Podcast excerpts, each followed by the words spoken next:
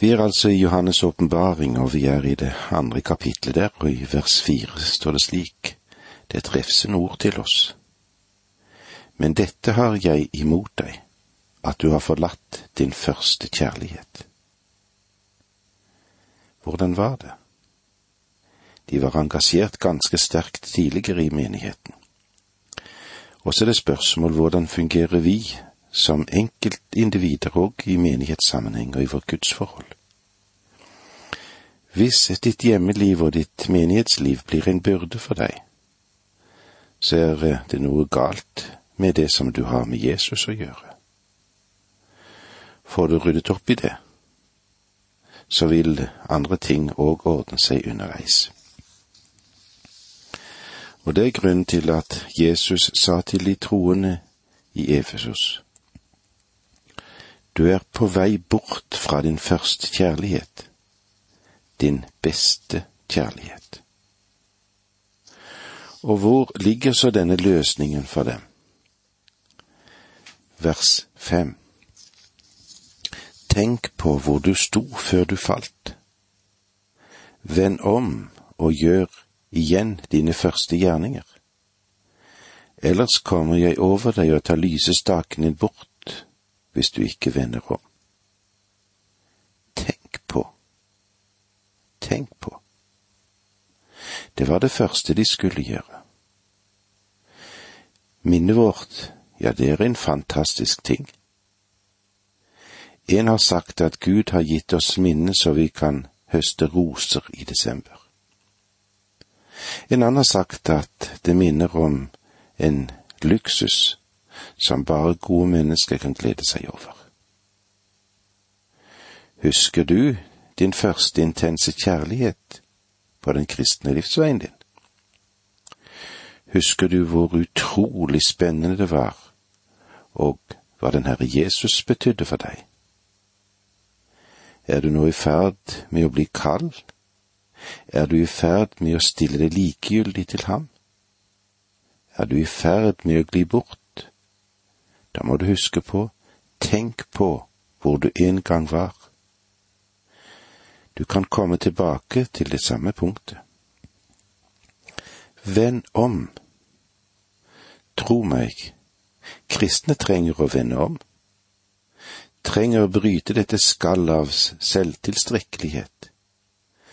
Denne maske av forestillelse. Dette skjold av å tro at vi vet det vi ikke vet. Denne åndelige forfengelighet. Prøv å bli fri og kvitt den falske fromhet, og bli ferdig med å tro at du tilhører primærgruppen av de hellige. Hva sa Bibelen til oss her?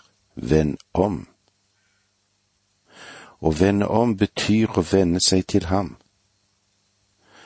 og det er et budskap til oss alle troende, det. Hvordan tør menigheten å be et ufrelst menneske om å vende om? Det de trenger er å vende seg til Kristus for å finne frelse. Når han vender seg til Kristus, vil han vende seg fra sin synd. Som tesalonikerne som sa det slik, som vendte seg til Gud fra avgudene for å tjene den levende og sanne Gud, og vente på Hans Sønn fra himmelen. Men menigheten trenger å vende om, og det er det budskap som vi ikke vil høre i dag. Er det slik? Husk da, vend om, vend tilbake til ham. Ellers kommer jeg over deg og tar lysestaken din bort, hvis du ikke vender om. Kristus sier at han vil ta bort lysestaken. Det er fullt mulig at kirken kan fortsette som en ytre organisasjon, men det er ingen levende organisme hvis lysestaken blir flyttet. Og det skyldes at Guds ord ikke lenger blir forkynt. Kristus våker fremdeles over lampene. og han har ikke noe mot å trimme veiken eller bruke lyseslukkere når menigheten ikke vil formidle lyset fra Gud. Tenk på, vend om, ellers kommer jeg over deg og tar lysestaken din bort, hvis du ikke vender om. I vers fem leste vi altså, tenk på hvor du sto før du falt. Vend om og gjør igjen dine første gjerninger. Ellers kommer jeg over deg og tar lysestaken din bort, hvis du ikke vender om. I vers seks leser vi slik. Men den ro skal du ha, at du hater nikoalittenes gjerninger slik jeg selv gjør.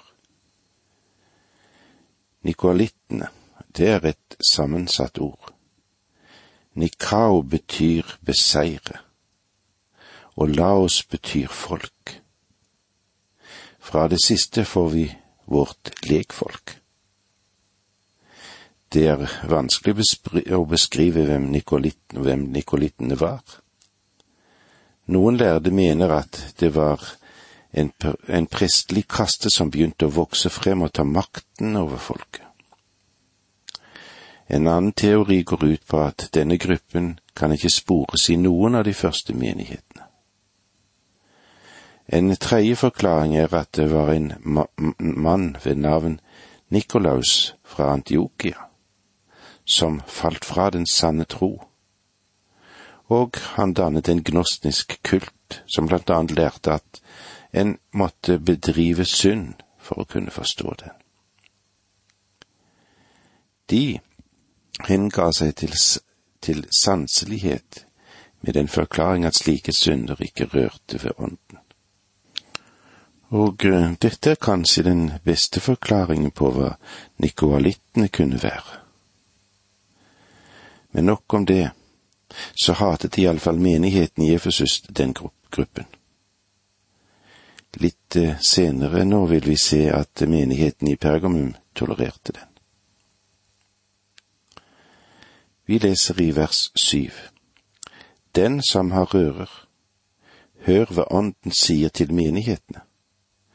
Den som seirer, han vil jeg la spise av livets tre, som er i Guds paradis. Den som har ører, det er det jeg kaller et blodmerket øre, som krevdes av presten i Det gamle testamentet. Ikke alle kan høre Guds ord. Jo, jeg vet de kan høre den ytre lyden, men de oppfatter ikke budskapet. Og den Herre Jesus bruker denne formuleringen for å sette oss på vakt. I evangeliene ser vi at han ofte brukte dette uttrykket. Han sa, De som har ører å høre med, men de hører ikke. Nå taler han til dem som har åndelige mottakerevne. Hør hva Ånden sier til menigheten. Ånden, den er selvfølgelig Den hellige ånd, menighetens store lærer. Den som seirer, henviser til den sanne, til den troende som er sann i sin ferd, til den sanne troende og vi kan bare overvinne den gjennom lammets blod. Han vil jeg la spise av livets tre. Du minnes sikkert at mennesket ikke fikk forbud mot å ete av livets tre dette fallet, slik som det står gjengitt i første Mosebok i det tredje kapitlet der. Men i himmelen skal adgang forbudt-skiltet tas ned og alle får det privilegium å spise av livets tre. Jeg vet ikke hva slags frykt det har, men jeg tror at frykten vil sette oss i stand til å oppleve livet som aldri før. Og de fleste av oss vet svært lite om å leve ennå. Det er ennå mye som vi kan vente på, og som jeg kjenner som en sitrende forventning etter evighetens morgen. Guds paradis betyr Guds hage. Himmelen er først og fremst en have, og ikke bare sted der gullgater finnes. Menigheten i Efesos, det representerer menigheten på sitt beste, den apostoliske kirke. Og med disse ordene sier vi takk for nå, må Gud være med deg. Dette undervisningsprogrammet består av to deler. Åge Nevland fortsetter nå med andre del av dagens undervisning. Vi er i Johannes' åpenbaring, denne boken som har så mye å si oss hvordan de fungerte i de første menighetene, eller bildet på menighetene som vi har stoppet opp for. Efesos. Nå vil vi se litt på Kristi brev til menigheten i Smyrna. Smyrna, ja, Smyrna er martyrkirken. Den kirken som led martyriet for Kristus. Ordet smurna betyr myrra og bærer derfor også menighetens lidelse. Byen Smyrna finnes fremdeles. Den har et tyrkisk navn, Ismir, som er et helt annet navn, men eh, det skal ikke forlede deg. Denne byen har vært befolket helt fra den ble grunnlagt. Det er en handelsby, dette. Det er en by i vekst, og mange mener at den snart vil være større enn Istanbul. Den moderne byen dekker så mye av ruinene av, av det gamle Smyrna at det er vanskelig å tenke seg hvilken skjønnhet den gamle byen representerte. Byen, den har en stor og vakker havn. Det sies at Smyrna var en av de vakreste byene i Asia. Den blir kalt en blomst, et ornament og den har også fått navnet Asias krone. Byens Akropolis ligger på fjellet Pragos. Byens historie går så langt tilbake som omkring år 2000 før Kristus, da hetittene bygde en by ved foten av fjellet Pragos. Senere så sørget Alexander den store for at det kom fart i utbyggingen av byen, slik at den ble en av de vakreste i sin tid. Her var det brede bulevarder langs fjellskrentene. Rundt Akropolis var det store områder med blomster. Ja, her var det flotte hekker og myrtetrær. Byen ble beundret for sine vakre bygninger og skjønne templer. Et tempel til Seus et tempel til Syblé, Diana, et tempel til Afrodite, et tempel til Apollo og et tempel til Akselepios. Smyrna hadde et teater og et odeum, det vil si et musikksenter. Her var en utrolig musikkutfoldelse.